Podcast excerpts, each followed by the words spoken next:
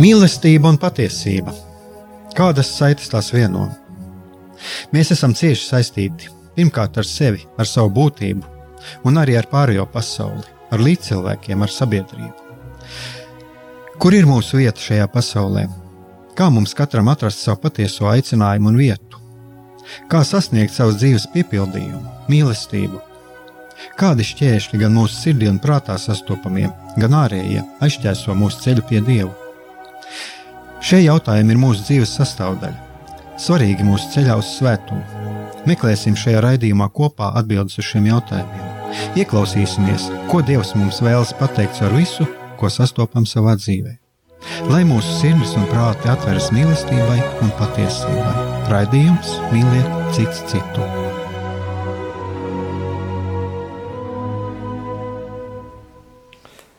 Lai top slavēts Jēzus Kristus, esiet sveicināti, dārgie radioklausītāji. Šis ir uh, raidījums Mīliet cits citu, un es ceru, ka jūs redziet gan video, gan, gan, gan arī dzirdiet. Un es ceru, ka mums izies uh, viss notiks bez tādiem likiem traucējumiem. Uh, šodienas tēma ir, es domāju, kā man nosaukt šo raidījumu, kā kādu kā šo tēmu nosaukt, par kuru es runāšu. Un es nolēmu, ka es. Eh, tēmas nosaukums būs, vai uh, kristīgs psihologs ir labs psihologs. U, un uh, jūs jau droši vien esat pamanījuši, ka pie manis ir šie psiholoģijas jomas pārstāvji jau iepriekš ir bijuši, bet uh, tas uh, lai paliek jūsu ziņā, kādi šie psihologi, jūs varat atrast uh, arhīvā iepriekšējos raidījumus, manas raidījumus, Bet šodien tātad eh, es tomēr gribu pievērsties eh, šīm eh, psihologa izpratnē par psihologu, jo tad, kad es dzirdu kādreiz tā ļoti uzsvērti, ka tur saka, tas ir kristīgs psihologs, kad cilvēks nu, parādās kaut kāda reklāma, lūk, kristīgs psihologs, un ja viņš ir tā mazāk zināms, tad man mazliet tāda kā tāda trauksmes sajūta, kā arī dzirdot reizēm kristīgs politiķis, jo, nu, ej, nu, sazin, kas tur ir apakšā, un jāsaka tā, varbūt es arī to pieminēšu, man ir arī bijusi savā ziņā negatīva pieredze.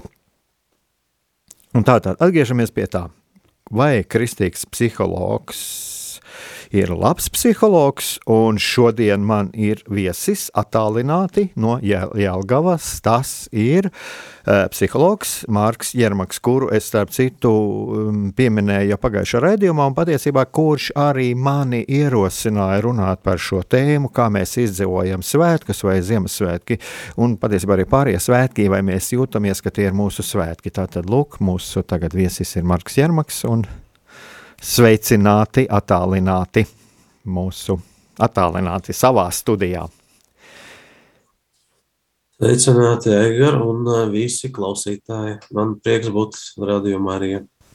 Uh, es domāju, e, ir jau būts uh, Radio Marija Jā, jā. jā, un es atgādināšu arī es ar Marku Jārmaku, kas ticies. Man liekas, patiesībā es esmu tā pāris reizes ticies. Uh, viena reize bija garīgo līdzgaitnieku seminārs tepat, tas bija pie Betānijas māsām, pie, pie jezuītiem, un tad bija Rārzī viens seminārs, kas bija vē, eh, veltīts seksualitātes jautājumiem. Un, un cik es atceros, es arī mēģināju aicināt uz Radio Mariju, bet tāds, uz Radio Mariju laikam nebija, bet toreiz bija uh, Vatikāna radio, un um, es, kad da, darbojos Vatikāna radio, un, uh, bet nu sākās viss šis Covid laiks, un tā arī mums šis kontakts iztrūka. Tā, tad eh, varbūt arī tas tāds mazliet ievads, kā mēs esam kontaktējuši un, un cik daudz, bet lai gan es sekoju līdzi internetā, esmu klausījies arī dažus ierakstus, gan YouTube, gan arī te ir tāds tā, tava sirds. Es iesaku arī paskatīties klausītājiem pēc tam. Bet uh, uzreiz tad man ir tāds pirmais jautājums, uh, kad cilvēks pie jums nāk, ar kādiem priekšstatiem viņš nāk, vai tur tiešām ir šis uh, kaut kas no tās apziņas, ka lūk, šis cilvēks ir kristīgs, vai viņš nāk uh, ar tādu apziņu, vai viņš vienkārši nāk pie, nu, teiksim, sauksim pie attiecīgas jomas speciālista.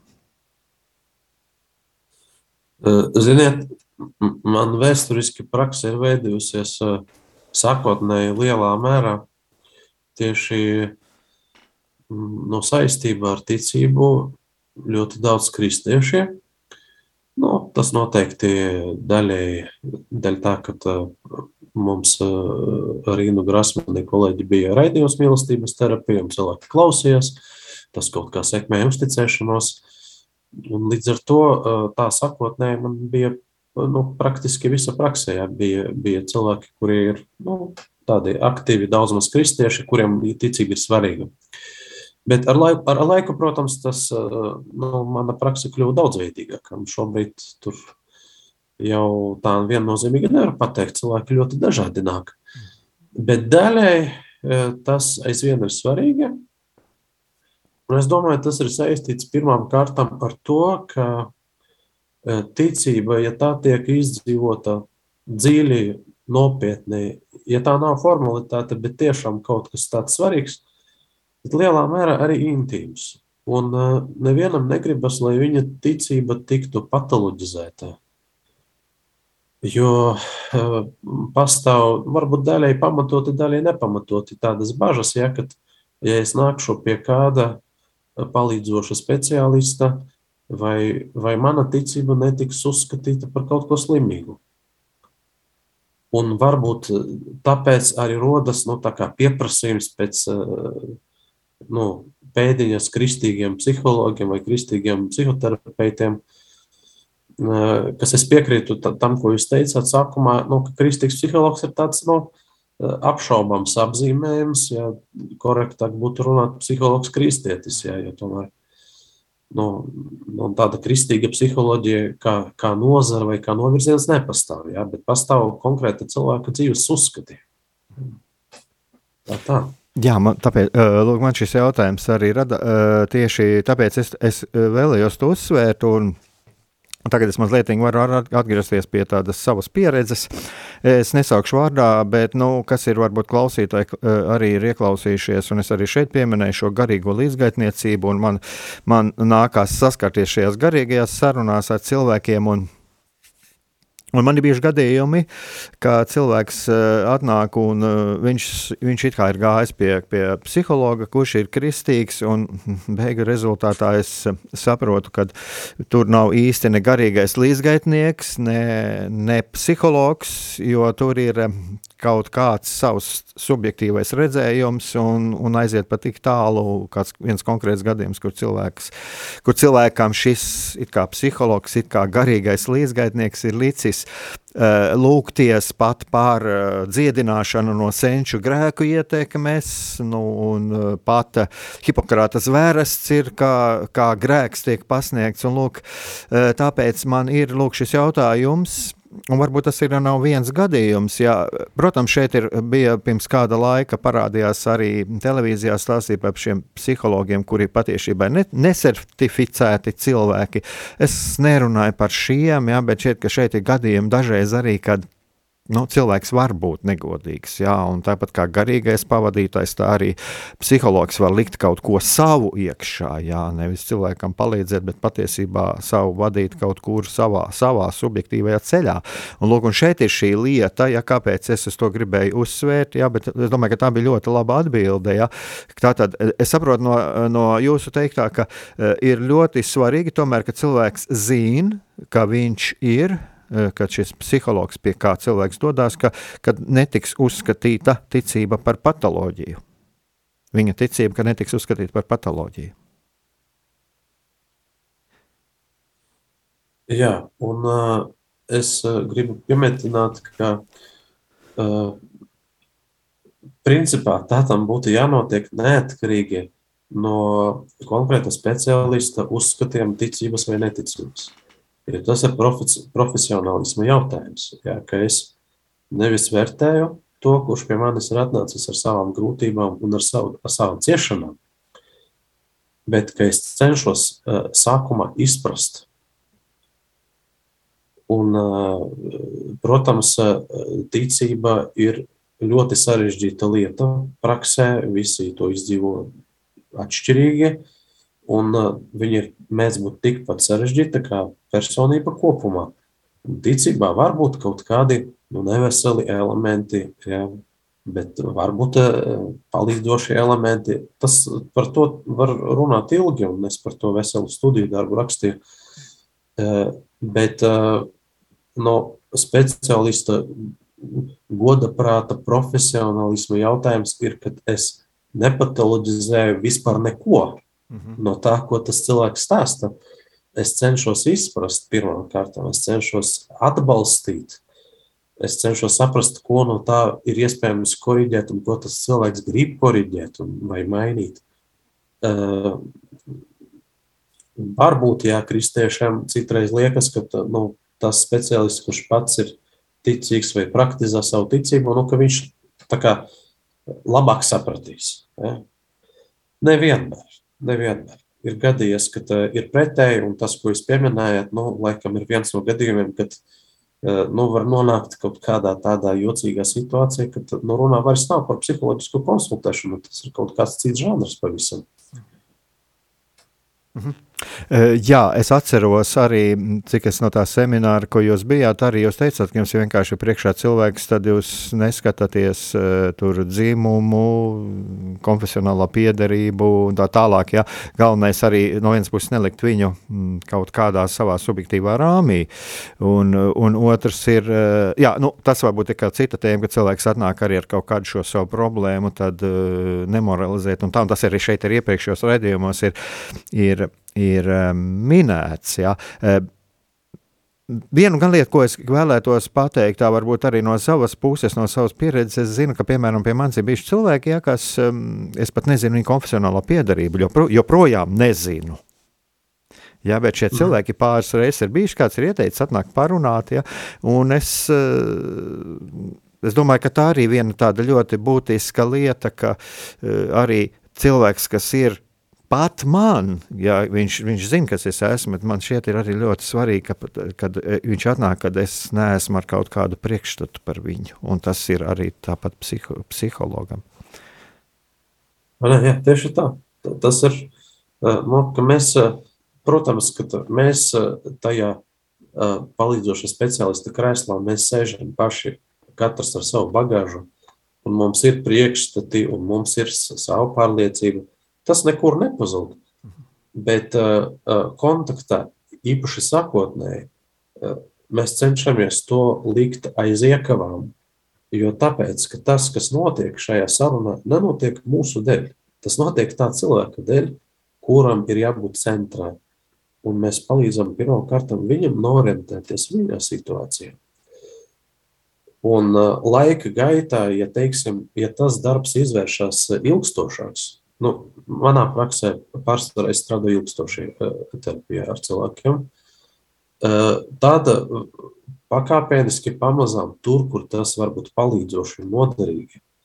Es varu tā kā eh, nu, likt pretī kaut kādu savu redzējumu, kontrastam, jā, vai pakonfrontēt cilvēku.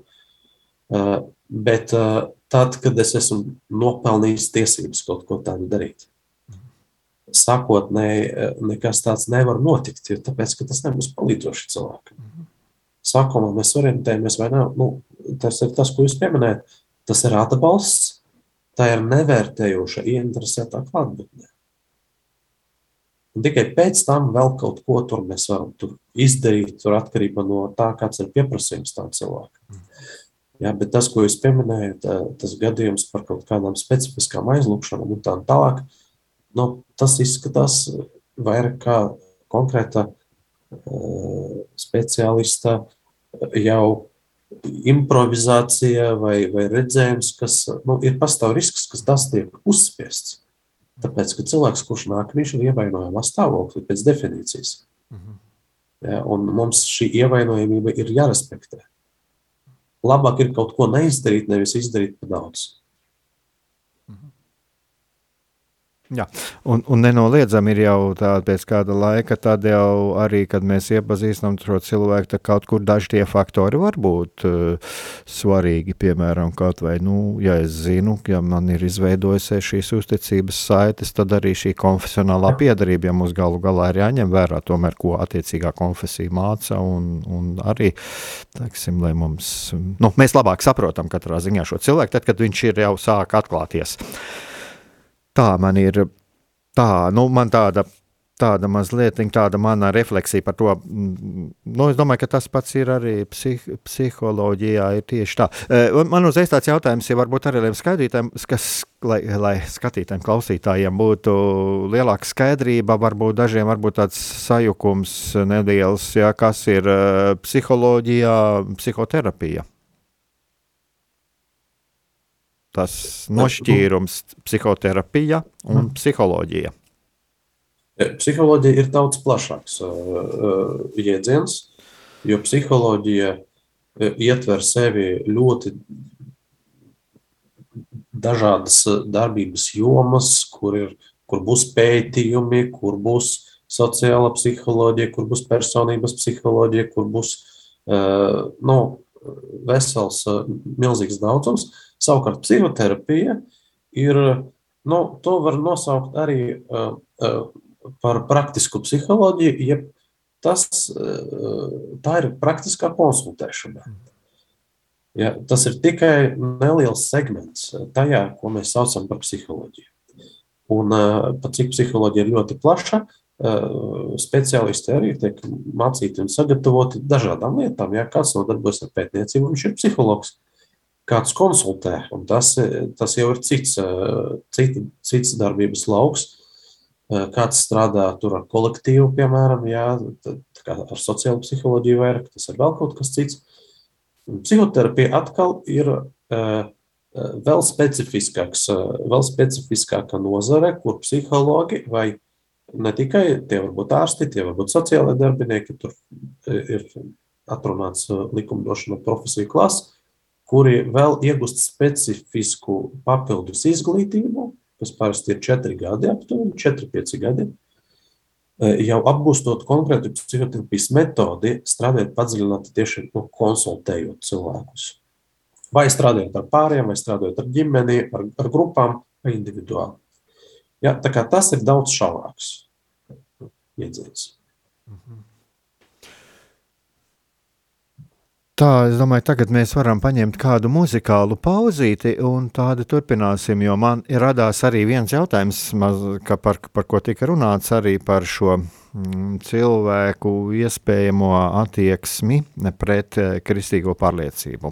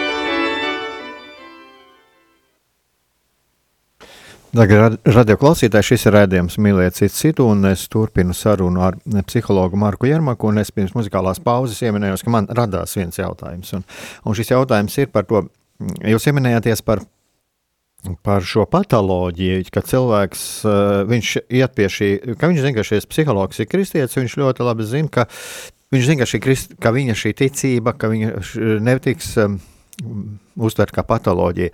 Vai ir arī tādi gadījumi par šo patoloģiju? Un es teikšu, arī varbūt arī sabiedrībā, nu, es esmu piemēram piedzīvojis, kad uh, nāk jaunietis un uh, arī uz sarunu, un viņš uh, ģimenē nesaprasts, jo viņš ir normāls katolis, normāli praktizējošs, uh, kā normāli praktizējošs. Viņš iet uh, svētdienās uz svēto mīsi, bet viņš piedalās arī dažādās baznīcas aktivitātēs, um, baznīcas akceptētās ļoti labās uh, aktivitātēs, un un ģimenē, uh, viņš nosauks par sektantu. Un, starp citu, tas nav viens gadījums tāds. Kad bieži vien apkārtējie un pat skolās uh, uztver to kā patoloģiju. Bieži gadījumi, piemēram, kur bērns vienreiz ir pateicis, ka viņš iet uz baznīcu un vairāk viņš negrib runāt skolā. Tas ir, tas ir viens tāds jau par pasauli un ģimeni. Uh, Bet man ir arī jautājums par psihologu pasauli. Kā uztver vispār arī psihologu pasaulē, vai tas tā tiešām attieksme pret reliģisko pārliecību vai pret ticību, vai to arī tā visi uztver kā kaut ko tādu, nu, teikšu saviem vārdiem, normālu? Vai arī tur nav kādreiz kaut kāds risks? Nu, es domāju, Egar, ka laikam nevar izslēgt uh, uh, risku, jo tas vienmēr ir nu, ļoti individuāls jautājums, ja, ko kurš kurā situācijā var kādam pateikt. Un kādas personiskas reakcijas var rasties psihologam vai, vai psihoterapijas speciālistam.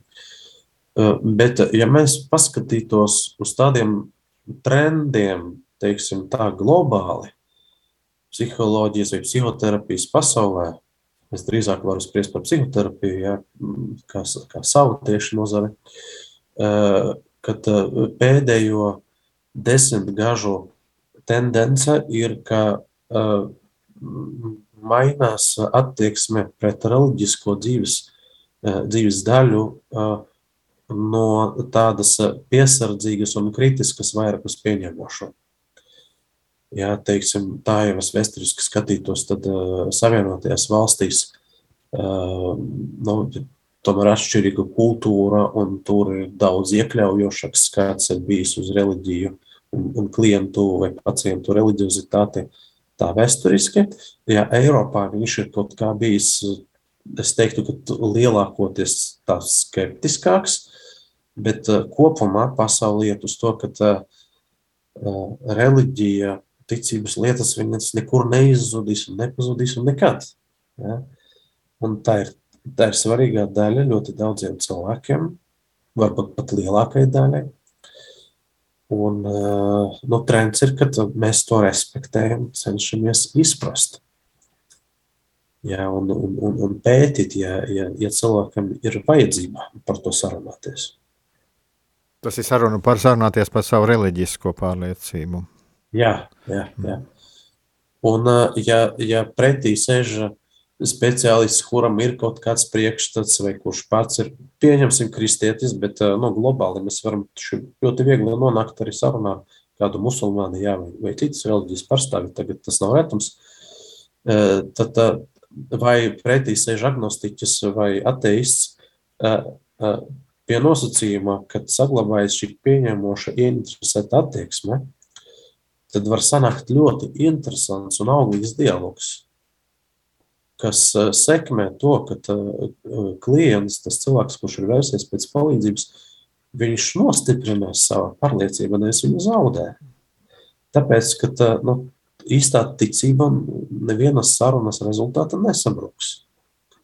Sabrukt var tikai no kaut kādi viltus, eh, viltus konstrukcijas, kaut kādas, nu, kas arī nu, mūs pavada dažādas jomas, tajā skaitā reliģija. Ja, bet principā tāda autentiska ticība, nu, tikai attīstas no dialoga. Tas, starp citu, tas, ko baznīca māca un ko pavests Francisks, manuprāt, ļoti uzsvarīja, ka nebaidamies no dialoga, bet esam dialogā ar dažādu uzskatu cilvēkiem. Es šeit vispār iznāca ļoti, jūs pieskarāties tādai ļoti interesantai tēmai, par ko es nācu šurp, dom, domāju, un tas ir par konfrontāciju. Man šeit iznāca pirms pagājušo nedēļu, pirms raidījuma, es šeit pat ar darbiniekiem runāju un kaut kā par iznāca arī pieminēt to, ka patiesībā jau mūsu, mūsu iekšējā pasaule nevar nobriest bez konfrontācijas ar citādo ar citādu pārliecību. Jo kādā veidā es varu ieskatīties sevī, kādā veidā bez, bez konfrontācijas, kādā veidā es varu pārskatīt savu redzējumu. Un, un man šķiet, ka arī ļoti svarīgi ir klausītāji, kas ir vairāk manas raidījumus klausījušies, viņi jau zina, un kas mani pazīst, jā, kad es um, reiz par reizē atgādinu cilvēkam, ka viņam ir vajadzīgs būt uh, šim neticīgajam tomam, tas neticīgā toma elements mums ir katram ir vajadzīgs, jo man šķiet, ka tas ir tāds ļoti būtisks ceļš uz svētumu. Es neticēšu, kamēr es tomēr nepārliecināšos dažos gadījumos, un, bet līdz kamēr nepārliecināšos. Tā kā es neieju kaut kādā tādā, nē, es neticēšu nekad. Jā, jo tur arī ir sava veida konfrontācija, jo satikties ar pestītāju eh, ceļā, savā dzīves ceļā, savā ceļā uz emausu vai, vai mūsu katrā kur nu mēs katrs ejam, tā ir žēlastība, bet pie cita tas pestītājs varbūt nāk arī caur citā veidā to saprast. No, tā ir tāda mana replika par šo, jā, jo tur, tur arī šis konfrontācijas elements man šķiet, un tāpēc ļoti interesanti ir, jā, kad uh, vārā atsevišķā gadījumā ir pat var noderēt šis agnostiķis vai pat ateists pretī šim cilvēkam, kurš iet pie šī godīgā psihoterapeita, iet ar savu, savu sāpi, un viņam lūk šāds ir pretīm, kas palīdz viņu ticību nostiprināt. Ļoti interesanta tēma patiesībā. Jā, jā. E, es domāju, ka lielā mērā tomēr bailes ir tas, kas mums traucē būt, e, būt tādā atvērtā dialogā ar citu uzskatu cilvēkiem. No otras puses, protams, viegli var saprast, ja nu, cilvēks nāk pēc palīdzības, viņam negribas tur, lai kāds viņu konfrontē vai kaut ko apšaubā un, un tā. Mm -hmm. Bet šeit ir svarīgs, es domāju, tāds līdzsvars.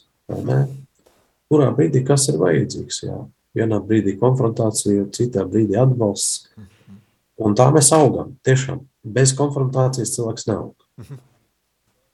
Jā, bet uh, mēs varam būt uh, tādā dzīves situācijā ar tādu mazu resursu, kā, nu, ko var salīdzināt ar zīdēni, ja, kurš ir bezspēcīgs, kurš ir ar nepiepildītām kaut kādām vajadzībām, kuram sāp, un tur nekāda konfrontācija nevar palīdzēt. Ir vajadzīga, vajadzīga ļoti saudzīga attieksme, pieņemošā, nosvērtā. Bet ir cilvēki, kuriem uh, vajag no, nu, tādu nopietnu spāringa partneri. Un, uh, tur konfrontācija spēlē svarīgu lomu, un ar to cilvēks nostiprinās savu pārliecību un auga. Un, uh, es domāju, ka jebkuras palīdzošas profesijas cilvēks, vai tā būtu garīga līdzgaitniecība, vai psihoterapija, vai vēl kaut kas, nu, mums ir svarīgi meklēt balansu. Ar katru cilvēku tas būs citādāk, vai ne? Uh, bet uh, es, es piekrītu, ja, ka bez tādas kaut kādā ziņā konfrontācijas, vai sadursmes, vai satikšanās ar citādo, nu, grūti attīstīties arī savā ticībā. Principā tas rada risku pārvērsties par fanātiķi, ja kurš ir noslēdzies savā iekšējā kaut kādā konstrukcijā. Tas, kas ir ārpasaulē, viņam neinteresē, jo tas ir pārāk biedējoši, nesaprotami. Ja? Tad, nu, tad viss labais ir iekšā, viss sliktais ir ārā. Nu, tā, tā tas laikam tik vienkārši nedarbojas. E, jā, nu es arī šeit dzirdēju tādu, domāju, ļoti labu atgādinājumu, ka e, konfrontācija, jā, viņa ir vajadzīga, bet ir jāsaprot saskarsmē ar šo cilvēku, cik viņš ir gatavs, kādā viņš, konkrēti situācija atrodas. Jo, protams, ne, katru, ne ar katru iet uz, uz, uz sparingu, bet tātad gan, gan šim psihologam, gan arī tam galīgajam pavadītājam tomēr arī. Un šeit man liekas, atkal ir tas pats moments, ka šis cilvēks atnāk, tad viņš nav ne dzimums, ne konfesija, ne status, vienkārši mēs esam viņu kopā un tad mēs tālāk varam atpazīt jau. Jā, vai viņš ir kad viņš sāk kļūt gatavs šai konfrontācijai. Es man ienāca pat tāda mazliet tāds izplauka tāds domas asnis šajā brīdī, ka faktiski jau katras šādas tikšanās, nu viņas jau arī ir tā konfrontēšana, bez viņas ir neizbēgama. Rezultāts nevar būt. Bez šīs konfrontācijas ar to, kas man iekšā ir. Manai, manai tai pasaulē konfrontācija ar ārējo. Es eh, ceru, ka es saprotam, pateicu. Uh, ir mans kaut kāds redzējums, un es saskaros ar kaut ko citu. Es saskaros ar svešo, nepazīstamo, vai tā, kas ir pretējs manam redzējumam. Un tas ir tas, kas liek manī ieklausīties sevī, un es mācos ieklausīties arī otrā.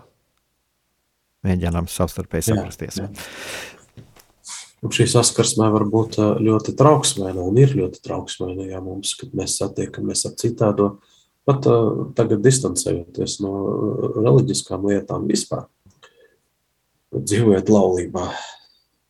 Tas citāda, citāds, uh, tas atšķirīgais visu laiku ir blakus.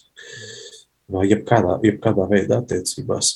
Un mums vienmēr ir kaut kāds kaut kāda daļa mūsu personības, ko mēs neesam gatavi pārskatīt, jo tas veido pašu, pašus fundamentus, pašus pamatus, un ir kaut kāds slānis, kas ir pietiekoši elastīgs un kas var mainīties, ja mēs esam atvērti tā ir saskarsme ar citiem, ar citu pasaulēm. Un tur var notikt tiešām pārvērtības. Un es esmu piedzīvojis, un es domāju, ka daudzi to var atpazīt arī sevi, kad ja izdodas laba, laba konsultācija, laba terapija, laba saruna, tad tas pārveido abus kaut kādā mērā. Ne tikai to, kurš ir atnācis pēc palīdzības. Jo es, es atceros dažus savus klientus, kuri atstāja ļoti dziļu iespaidu uz mani un lika man mainīt arī savus uzskatus, lielā mērā vai pārskatīt, jo tas, tā tikšanās bija pārveidojuši arī man pašam. Nu, mums, teiksim, ir garīgā līdzgaitniecībā arī tas ir eh, šis princips, ka katrs cilvēks ir palīgs savā ziņā. Mēs esam blakus, un viņš ir kā palīgs arī man pašam. Un, un es varētu teikt, arī ļoti līdzīgi liecināt par šo lietu. Mm, ka mēs, jā, ir pat eh, tas princips, paldies Dievs, ka tu esi man šo cilvēku nolicis manā priekšā, ka tā ir dāvana manā, manā, manā ceļā. Tā. Mm, vēl mazliet man ir arī šeit ir vesela, rau, ja, vesela jautājumu rinda. Jā, par, to, par šo psiholoģiju un uh, par šiem riskiem es uh, arī, kāpēc es tā, mm, arī par šo mm, laicīgo psiholoģiju, teiksim tā, kā varētu precīzāk noformulēt. Tā saskarsme viens jau, kad mēs jau pārunājam ja, par to, kad var uztvert to arī šo ticību, kad, nu, vai viņi uztver vai neuztver kā, kā patoloģiju. Es domāju, ka šeit jau šā atbilde ir, bet es eh, vienkārši varu liecināt, un es vairs neatceros, es nofotografēju, pārfotografēju šo žurnālu lapu, bet tas bija kaut kāds no krāsainiem šķiet sieviešu žurnāliem, kur viena psiholoģe rakstīja. Ja, par uh, laulības pārkāpšanu. Un, uh, man palika prātā, es reizēm es arī par to atgādināju, ka, mm, kad viņa runāja par to, ka nu, nu cilvēks mm, gandrīz vai pasniedz to tā, ka cilvēks ir kaut kādā komanda, komandējumā, kaut kur tālāk no ģimenes, tad nu, neizbēgami reiz par reizi noved pie šiem laulības pārkāpumiem. Bet uh, ko viņa rekomendē? Viņa rekomendē to labāk to nedarīt, jo pēc tam tu jutīsies slikti tu jutīsies slikti, ka tu esi to izdarījis. Un tas šeit man šķiet ir, kad arī ir šie lielie riski, ka tomēr ir ļoti vērtīgi apskatīties arī, ko šis cilvēks, kādas idejas viņš sevī nes. Protams, es nevaru teikt to, ka, um, to, ka nu, varbūt tiešā saskarsmē ar cilvēku, kad cilvēks atnāk, tas ir viens, ko viņa dara, un tas tā arī ir.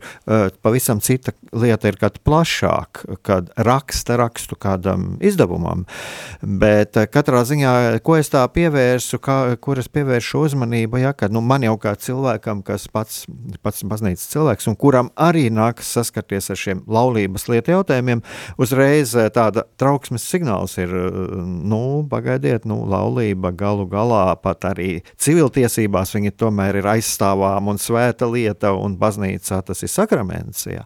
Tā ir viena puse, un otrs, kad arī tomēr nu, šis eh, lielais egoisms, kas patiesībā tur parādās šajā ieteikumā, jo tev būs slikti, tu nejutīsies labi, tev būs sirdsapziņas pārmetumi, ja tu būsi to izdarījis tu jutīsies slikti.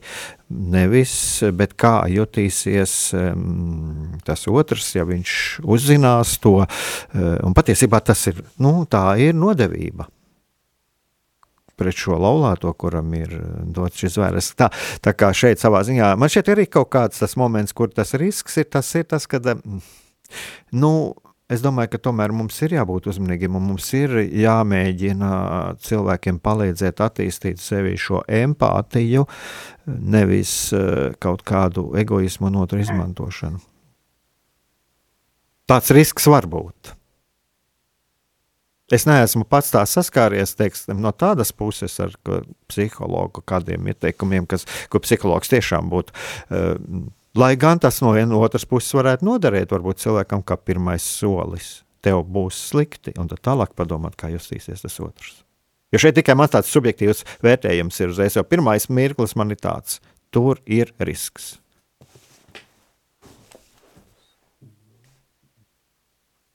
Nezinu, uz ko, uz ko atsaukties. Uz, uz daudzām lietām. Jā, jā. tur ir daudz, šeit es diezgan, diezgan to plaši iz, izvērsu, jā, bet vienkārši tas ir eh, kāda tā mana, eh, mana reakcija uz to bija, ja kad Mm, uz morāli apšaubāmu padomdošanu. Jā, jā, ah, jā šeit tas būs tāds precīzāks, ja, e, kur e, vienkārši e, žurnālā tāda lieta parādās, tas mm, jau ir pagājuši kā vairāk kā desmit gadi, bet lūk, viņa ir morāli apšaubāma, un es domāju, ka mm, nu, psiholoģija to ļoti labi arī, es tīri no laicīgiem psihologiem esmu arī to gan dzirdējis, gan lasījis arī par kaut vai par šīm pašām seksualitātēm, par seksualitāti laulībā, un kādas ir šīs reakcijas, tad, kad notiek lūk, šis laulības pārkāpšana, ja kad uh, cilvēkā pašā par sevi jau ir tomēr ir ieliktas visas šīs jūtas, un, un arī šī greizsirdība viņā savā ziņā ir veselīga tajā brīdī, kad tam ir pamats, jo tas ir tās jūtas, kas palīdz sargāt. Jā, redziet, nu, šeit es kaut kā laikam... Es nerunāju par pat, patoloģisku jā. jā. Kā gribas plašāk, laikam, atsaukties, jā, jo nezinot konkrētu rakstu un konkrētu. Jā, nu tāpēc es saku, es tikai pieminu tā, tādu tādu momentu, kad es esmu Jums. ar tādām lietām saskāries, jā, jo man šķiet, ka arī vienā raidījumā mēs nevaram, jo man patiešām būtu ļoti ļoti daudz tādu tematu, kas man interesētu, jā, un, un tā viena no tām lietām ir arī, kā mēs, cik, cik cilvēks pret cilvēku, kā mēs attiecamies un tā.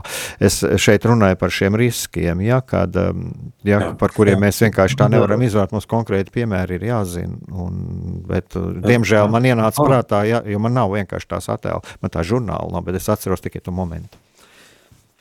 Galvenais, es domāju, pie kā, nu, katrā ziņā pie kā es pieturos, ka katra mūsu rīcība un katrs lēmums uh, vienmēr atstāja iespaidu gan uz mums pašiem, gan uz uh, citiem cilvēkiem faktiski nepastāv neviens lēmums un neviena uzvedība, kas neskartu citus. Tāpēc, ka tā, cilvēks nekad nepastāv izolēti no citiem. Cilvēks vienmēr ir e, ģimenes kontekstā, kaut kādas kopienas kontekstā, darba kolektīva kontekstā. Mēs visi e, vienmēr esam šajos kontekstos, mēs visi esam saistīti. Un uh, jebkura, jebkura uzvedībā, un varbūt krāpšanai tīpaši, vienmēr atstāja sekas. Un tās sekas būs gan tam, kurš izvēlas šo soli spērt, gan tam, kurus tas var skart. Un, teiksim, nu tā, tīri fantazējot, šādā situācijā, ja es sarunātos ar kādu, tad mans uzsvars būtu akcentēt šo apzinātību. Vai tas, kurš to dara, darīs, vai, vai, vai iztēlojas, ka darīs, vai viņš apzinās pietiekoši labi, kādas tas izraisīs sekas, vai viņš ir gatavs par šīm sekām maksāt un likt par tām maksāt citiem cilvēkiem.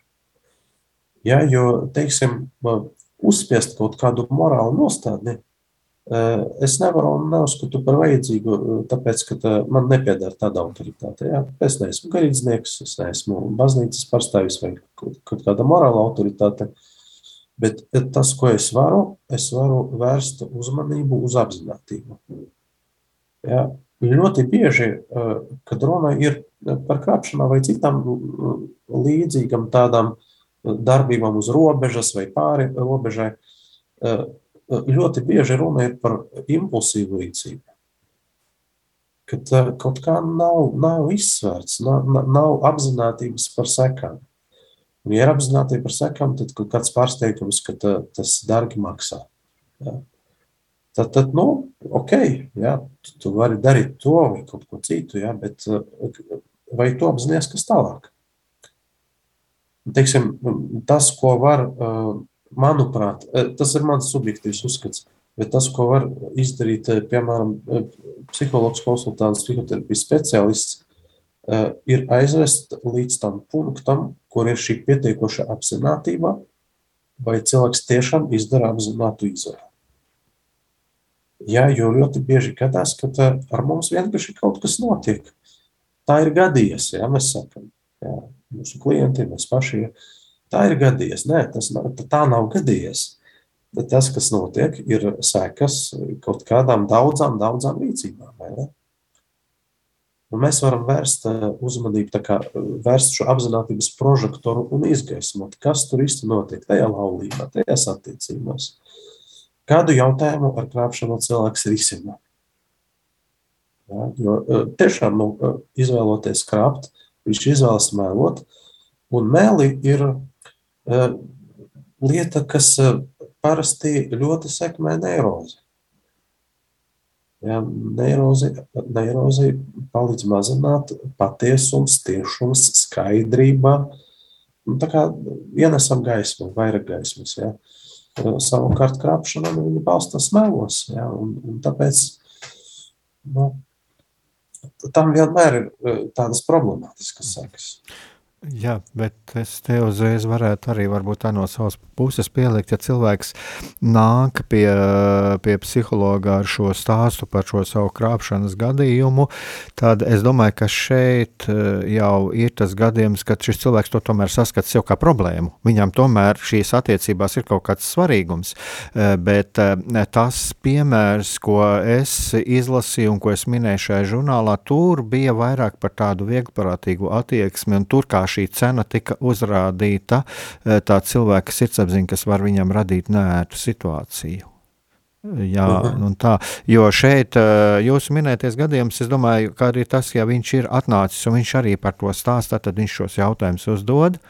Jā, un šeit, jā, šeit nav šis pamudinājums, bet es, ko es redzēju no ārpuses, ja, tur ir šī atteikšanās, bet tur tikai viens aspekts tika uzsvērts, jā, un tas man šķita tā ļoti egoistiski. Tev sāpēs. Jā. Uh, bet uh, vai nav tālāk? Jo... Tā, ir, tā ir tikai no patiesības. Jā, tā, jā, jā, tā es domāju, tā precīzāk. Jā. Mhm. Jo es teikšu, tā arī man ir tie piemēri, ja cilvēks atnāk un viņš man uh, tur uh, saliek pretī tur visādus grēkus, man tāds un tāds un tāds, tad es tā saku, labi, liksim tagad morālu teoloģiju malā, un, bet paskatīsimies, ko tev Dievs šajā situācijā tagad saka, kur tu redzi Dievu klātbūtni, ja, ko tev Dievs vēlās pateikt. Ja. Un es domāju, ka tas pats ir, jo nekādas. Uh, lai Dievs pasaka no mora, moralizēšanas, ja es arī sāku, saku, jā, lai gan atkal jāsaka, ka nevienmēr mums ir jābūt arī baltiem un pūkainiem, un kad šo skarbo patiesību ir jāpasaka, bet eh, lielākoties cilvēks jau, kad viņš atnāk, jā, un man patika arī, ko jūs teicāt arī šajā seminārā, kas bija, ja, kad eh, šis cilvēks jau apzinās šo vainu, viņam tas sāp, jā, un tā tad ir vienkārši ir, nu, mēģināt viņu saprast un palīdzēt viņam arī saprast, kur, kas, kā, ko, kā darīt. Es to saskatīju tā, jā. no jūsu teiktā. Nu, man kaut kā jā, tam ļoti piekrīt. Jā. Jā, jo tas, jā, jau tas, ko varbūt arī jūs precīzi pateicāt, ja tajā manis pieminētajā rakstā, tur bija tas ļoti tāds uzkrītošais tieši, kur es arī redzēju, jā, jūs tikai formulējāt to precīzāk, kad, jā, tas bija tikai viens aspekts apskatīts, jā, Tā. Protams, ka mēs varētu tālāk, bet arī raidījumam, mm, raidījumam arī ir jau tā teiksim, nostojās noslēgumam, jā, jo ir šie jautājumi, ar ko es domāju, arī psiholoģijā mēs, un patiesībā mēs katrs šajā sadzīvē saskaramies arī šo savu pārliecību un arī ar šo morāli, jā, un kurā vietā sākās šī morālais, šī robeža, jā, un kur es palieku tā neitrāls, jā, šo cilvēku. Es domāju, ka tā, tā ir arī tāda lieta, bet es ceru, ka kādreiz, kādreiz mēs arī varēsim par to parunāt. Jo tas man šķiet arī tāds ļoti interesants, jā, jo tas, tas ir arī, kāpēc es pievērsos un kāpēc es uh, uzdevu šo jautājumu, jā, jau pašā nosaukumā, vai uh, kristīgs psihologs ir labs psihologs, un es tiešām ceru, ka šī raidījumā, raidījumā laikā vismaz kaut kādu ieskatu izdevās šajā, šajā jautājumā dot, un cilvēkiem varbūt arī rodās kāda, kāds kāds priekšstats, jā, un jā, kristīgs psihologs var būt labs psihologs, un pat atsevišķos gadījumos tas var būt kā bonus, tas būtu varbūt labi, jo kristīgs psihologs var saprast kaut ko, to, kaut ko tādu labāk nekā tas, kas ir ārpus kristietības. Es tā, tā varētu to teikt, jā. Ja?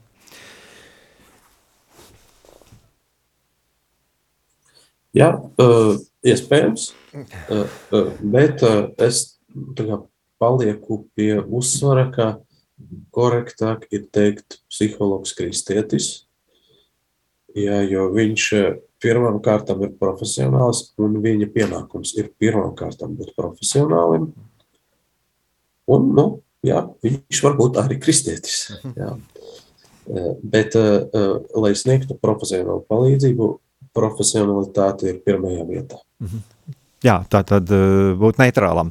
Eh, man uzreiz nāk prātā viens, atkal es ļoti atvainojos, bet es nevaru nosaukt datumus. Es kādreiz jau man ir tāds, eh, ienāk kādreiz sarunu, gaita, sarunu laikā, ienāk prātā tādas domas, Bet es atceros, ja nemaldos, tas bija šis raidījums vertikāli, kur intervēja vienu pētnieku, kas pētīja Mm, Turīnas līķauta au, au, to autentiskumu. Viņš bija fiziķis, ļoti augstas klases fiziķis. Un, uh, es tagad saviem vārdiem pateikšu, varbūt neprecīzi, bet es atceros vienu lietu, kad viņam uzdeva jautājumu, kas jums bija visgrūtāk šajā pētniecības procesā. Tad viņš teica, tā, ka viņam bija visgrūtāk aizmirst to, ka viņš ir katolis lai viņa pētījums nevirzītos kaut kādā virzienā, kas tur it kā šķiet, nu, tagad tur katoļu baznīcai tas būtu, jā, un tas būtu apstiprinājums ar autentiskumam tā, bet, ka, lūk, ka, lūk, šī pārliecība, šī ticība, lai tā netraucētu objektivitātei, un šķiet, ka tā ir tā lieta, kas arī ir jāievēro jebkurām speciālistam. Man, man uzdevuši jautājumu,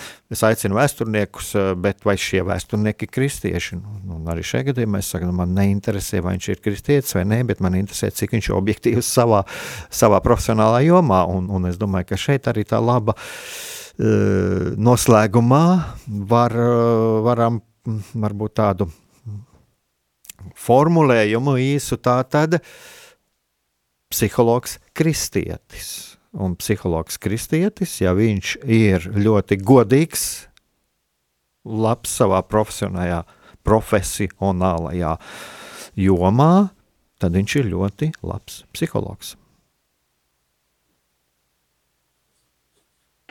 Jā, varētu tā sasumēt, un lai viņš varētu būt profesionāls, tur ir vesela virkne lietu.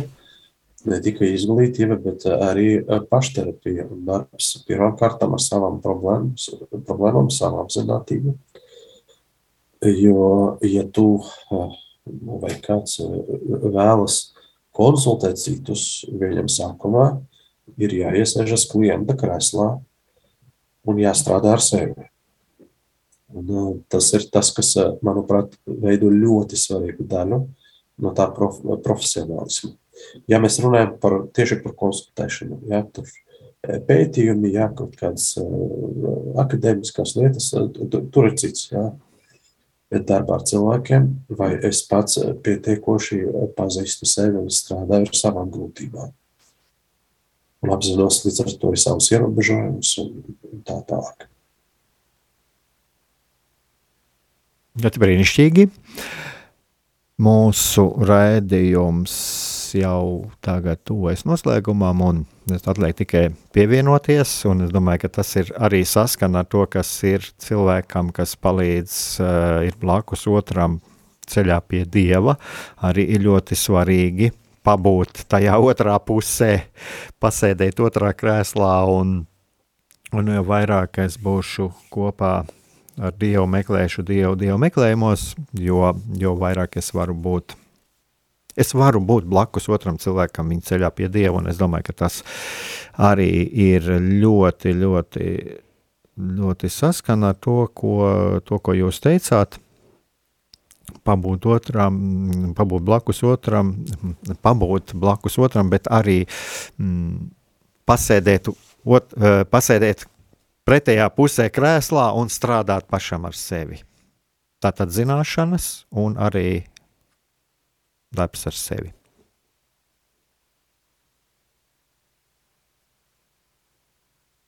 Alo?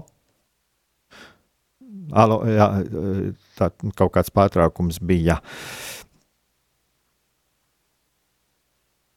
Jā. Ir dzirdams, jā, bija dzirdams tas vienkārši mazliet skatos, vai kaut kādas mums nelielas tehniskas problēmas bija. Tā tad bija apmēram dzirdams, ko es teicu. Halo! Jā, kaut kāda interneta traucējuma, lai panāktu. Jā, pusē. nu es vienkārši mazliet tādu, jā, tā tad darbs pašam ar Daļai, sevi.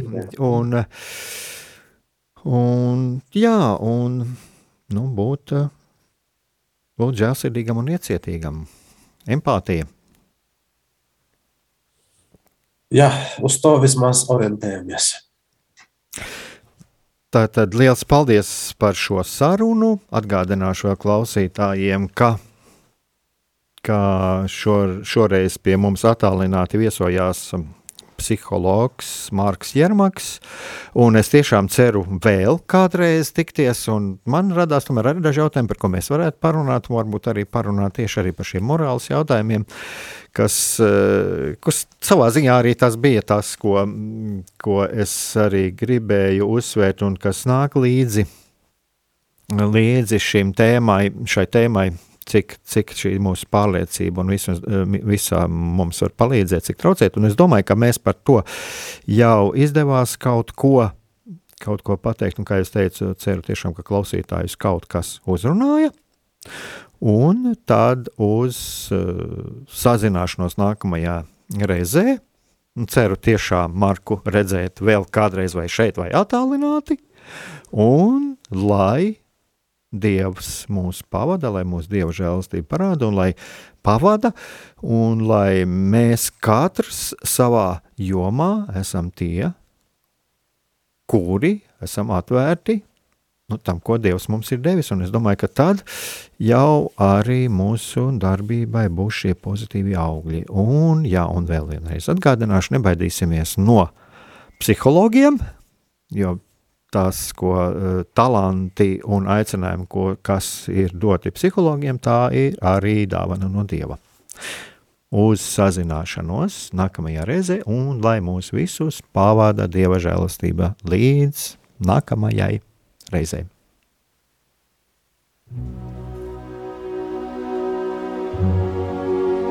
Mīlestība un patiesība. Kādas saites tās vieno? Mēs esam cieši saistīti pirmkārt ar sevi, ar savu būtību, un arī ar pārējo pasauli, ar līdzcilvēkiem, ar sabiedrību. Kur ir mūsu vieta šajā pasaulē? Kā mums katram atrast savu patieso aicinājumu un vietu? Kā sasniegt savas dzīves piepildījumu, mīlestību? Kādi šķēršļi gan mūsu sirdī un prātā sastopamie, gan ārējie aizķēso mūsu ceļu pie Dieva? Šie jautājumi ir mūsu dzīves sastāvdaļa, svarīgi mūsu ceļā uz svētumu. Meklēsim šajā raidījumā kopā atbildes uz šiem jautājumiem. Ieklausīsimies, ko Dievs mums vēlas pateikt ar visu, ko sastopam savā dzīvē. Lai mūsu sirds un prāti atveras mīlestībai un patiesībai, raidījums mīliet citu citu.